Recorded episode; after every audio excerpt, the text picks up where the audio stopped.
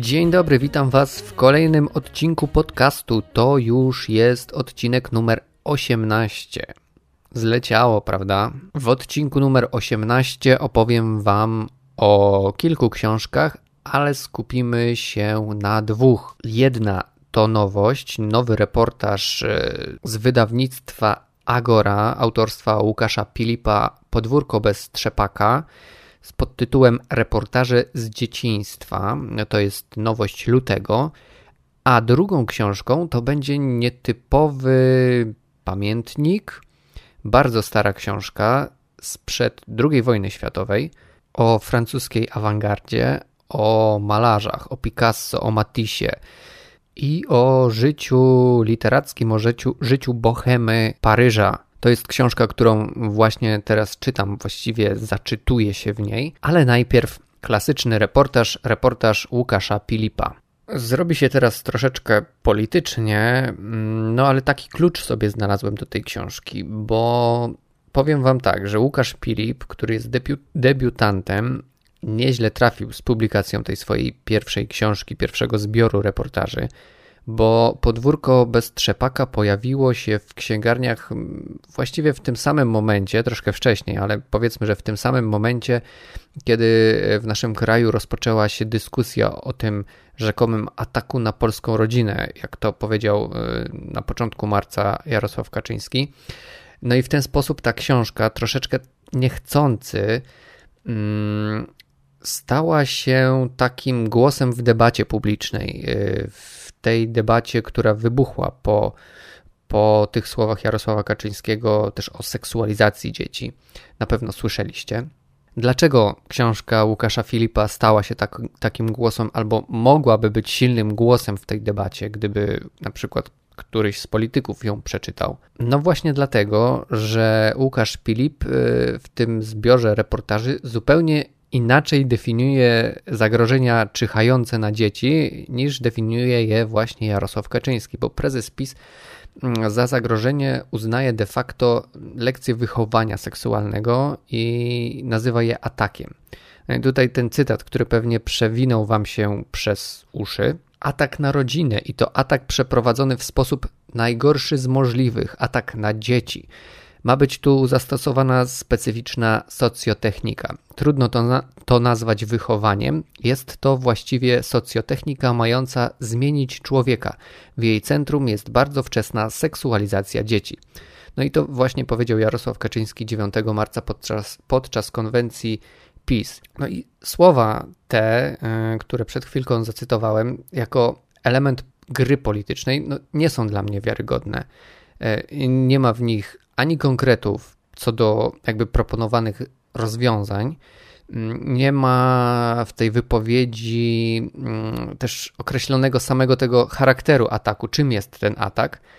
No, po prostu nie ma konkretów, to są puste hasła, jak gdyby wyborcze, tak można byłoby powiedzieć.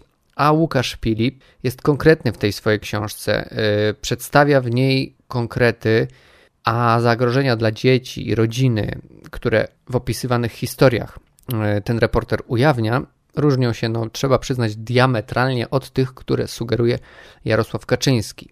Bo w książce mm, Łukasz Pilip opisuje przemoc w rodzinie, brak wsparcia dla niepełnosprawnych dzieci, brak wsparcia dla rodziców niepełnosprawnych dzieci, problemy młodych ludzi mm, ze swoją tożsamością, wyzwania wychowawcze dla rodziców. No i przede wszystkim brak pomocy albo niewystarczająca pomoc ze strony instytucji i też najbliższego środowiska dzieci i młodzieży w przypadku, kiedy jakieś problemy się pojawią. No, to właśnie te aspekty pojawiają się w książce Łukasza Pilipa. Mm, to o właśnie ludziach z takimi problemami Pilip pisze i właśnie te rzeczy y, definiuje, może nie bezpośrednio, ale w pewien sposób pośrednio, jako duże zagrożenia dla dzieci i młodzieży. Reportaż Łukasza Pilipa nie jest y, napisany, żebyście nie myśleli, w takim tonie oskarżycielskim. Na przykład przeciwko instytucjom, tak jak czasami, właściwie bardzo często swoje reportaże konstruuje Justyna Kopińska. To jest raczej książka, którą można określić właściwie jednym słowem, i tym słowem będzie Empatia to jest bardzo empatyczna książka, bo Filipowi chodzi przede wszystkim mm, o zrozumienie swoich y, bohaterów, no, nawet tych, których czasami trudno zrozumieć, e, ale też o zrozumienie sytuacji, w której się te osoby znajdują. E, chodzi reporterowi przede wszystkim o zwrócenie uwagi na problemy dzieci w Polsce, pokazanie mechanizmów, które często pogłębiają trudną sytuację dzieci i, i ich rodziców, a nie o szukanie winnych.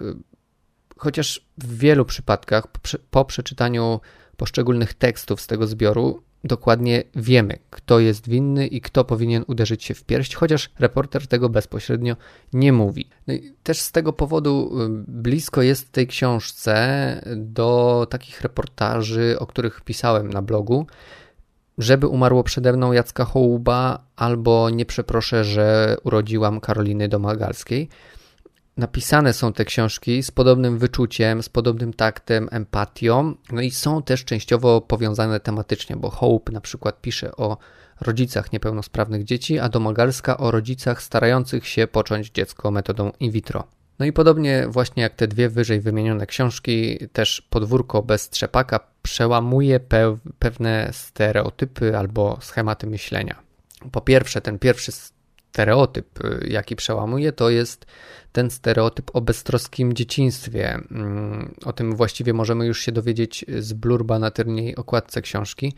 Nie będę się rozgadywał na ten temat, bo to jest bardzo oczywiste. A żeby podkreślić kontrast między trudnymi i na pewno nie beztroskimi historiami swoich bohaterów, Łukasz Filip zdecydował, żeby między reportażami umieścić króciutkie teksty, w których dorośli wspominają swoje dziecięce harce. I na przykład Monika Jaruzelska opowiada o zabawach w czterech pancernych. No i powiem Wam, że ja tutaj mam wątpliwość, czy takie zestawienie fajnych i niefajnych historii czemuś w książce służy, bo to, co najistotniejsze, znajdujemy w reportażach. A te nostalgiczne wstawki o pięknych czasach, w których wszyscy byliśmy młodzi, trochę burzą to refleksyjne skupienie, mm, które wywołują historie właśnie z tekstów reporterskich. No po prostu wspomnienia dorosłych o zabawach z dzieciństwa są czymś w rodzaju no, rozpraszaczy i nie pchają tej książki do przodu, dlatego nie bardzo mi tu pasują, ale jakoś specjalnie też nie przeszkadzają, bo po prostu można je pominąć, a one są bardzo, bardzo króciutkie. No ale wracając do tych przełamywania schematów myślenia. Po drugie, książka Filipa jest właściwie antidotum na głupoty, które plotą niektórzy politycy. Na te hasła, slogany, które mają zagrać na naszym strachu, kupić nasze współczucie, a razem z tym współczuciem głosy wyborcze. E, Filip w swojej książce wskazuje co tak naprawdę nie działa w naszym społeczeństwie. Mm, na przykładzie swoich bohaterów z bliska tłumaczy zasady funkcjonowania mechanizmów społecznych i, i trybów instytucji państwowych, które często odpowiadają za problemy polskich dzieci i ich rodziców. I w ten sposób całkowicie rozbija tezy polityków, którzy za głównego wroga biorą seksualizację najmłodszych. I to tyle o tej książce, o tym reportażu. Teraz cofamy się w czasie, jest rok 2000, a gdzie tam 2000? 1900, 1912, Paryż. I oto króciutki cytat. Była to przecież epoka poszukiwań w sztuce. Co chwila wybuchało coś nowego. Istniał ferment, jakaś elektryczność twórcza w powietrzu, szczególnie w powietrzu paryskim i każdy młody artysta chciał być w awangardzie. Wszyscy przyjaciele z kręgu Gertrudy pracują wówczas gorączkowo, jak gdyby przeczuwali, że nadchodzi groźny czas, kiedy niemal cała aktywność artystyczna zostanie zawieszona. Picasso, Matisse, Braque, Juan Gris, Guillaume Apollinaire, wszyscy oni oddają się intensywnej, nowatorskiej, szaleńczej pracy. Gdzie ci artyści chciałoby się zakrzyknąć, prawda? Jakoś ja nie czuję w świecie literackim takiego fermentu jak ten z 1912 roku. Ten fragment, który Wam przed chwilką przeczytałem, pochodzi z przedmowy do książki Gertrudy Stein pod tytułem Autobiografia Alicji B. Toklas. To jest wydanie czytelnika z 1979 roku, a tekst, który cytowałem, napisała Mira Michałowska. W środku książki na drugiej albo trzeciej stronie można znaleźć taki obraz Pabla Picasso. To jest portret Gertrudy Stein, czyli autorki tej autobiografii Alicji B. Toklas. Gertruda Stein y, to była pisarka, kolekcjonerka dzieł sztuki, mecenaska artystów. Ona była Amerykanką, która większość swojego dorosłego życia spędziła w Paryżu i była naprawdę bardzo ciekawą postacią. Ona mi się wiele razy przewijała gdzieś w tle tej paryskiej bohemy, ale dopiero niedawno, po przeczytaniu jej kilku tekstów w literaturze na świecie w ostatnim numerze, zacząłem się nią naprawdę poważnie interesować. No i to jest taki efekt, właśnie ta książka jest tym efektem. Poszedłem sobie do biblioteki i wypożyczyłem. Biografia Alicji B. Toklas to jest w pewnym stopniu książka non-fiction, chociaż bardzo mocno zmodyfikowana literacko, napisana według wyraźnego konceptu, mm, ale to jest coś w rodzaju pamiętnika Gertrudy Stein, napisanego z perspektywy jej partnerki życiowej Alicji. No i Alicja tutaj jest narratorką i opowiada o tym, co się działo właśnie na początku XX wieku w Paryżu wśród artystów y, takich właśnie jak Picasso, Matisse. Jeżeli Was interesują ci malarze, jeżeli interesują Was narodziny kubizmu, awangarda w malarstwie i w literaturze, to bardzo polecam. Generalnie styl pisania Stein jest wymagający, a nawet powiedziałbym, że męczący. Dla mnie i pewnie dla wielu czytelników też, ale ta książka, ta autobiografia jest napisana bardzo klasycznym językiem, klasycznym stylem.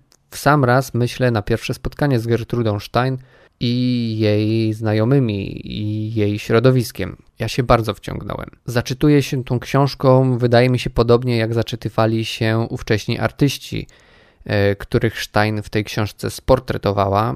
Artyści, którzy hmm, no, mieli czasami za złe, że Stein o nich napisała, albo mieli za złe to, w jaki sposób Stein o nich napisała. Najbardziej wkurzył się Hemingway, który najpierw był, no, można by powiedzieć, pupilkiem Stein, ale kiedy przeczytał o sobie w jej książce, zaczął jej nienawidzić i naprawdę nienawidził jej aż do swojej śmierci. Polecam Wam tę książkę. Jeśli na przykład oglądaliście film Geniusz o Pablo Picasso, ten taki wyprodukowany przez National Geographic, to tym bardziej polecam Wam autobiografię. Myślę, że znajdziecie ją w wielu bibliotekach, bo to jest stara książka. Jest też na pewno na Allegro, podobno za 5 zł. Ktoś, któryś z czytelników bloga mi napisał, z czytelniczek chyba. I już na sam koniec, jeżeli w ogóle interesują Was eksperymenty we współczesnej literaturze, w polskiej albo na świecie, to polecam Wam wywiad z Jakubem Kornhauserem i Piotrem Mareckim ze styczniowego małego formatu. Mały format to jest taki magazyn wydawany online na stronie małyformat.pl. Można go znaleźć za darmo. I tam panowie Kornhauser i Marecki opowiadają o współczesnych eksperymentatorach, bo Wspominam o tym wywiadzie, bo on tak nawiązuje właśnie do tych eksperymentów z czasów 1912 roku i tych późniejszych. I to chyba tyle, co chciałbym Wam powiedzieć o tych dwóch książkach. Jeżeli macie jakieś pytania, to odzywajcie się, piszcie maile, piszcie wiadomości w mediach społecznościowych, na Facebooku, na Instagramie. Chętnie odpowiem. A teraz już żegnam się z Wami. Do usłyszenia następnym razem. Trzymajcie się.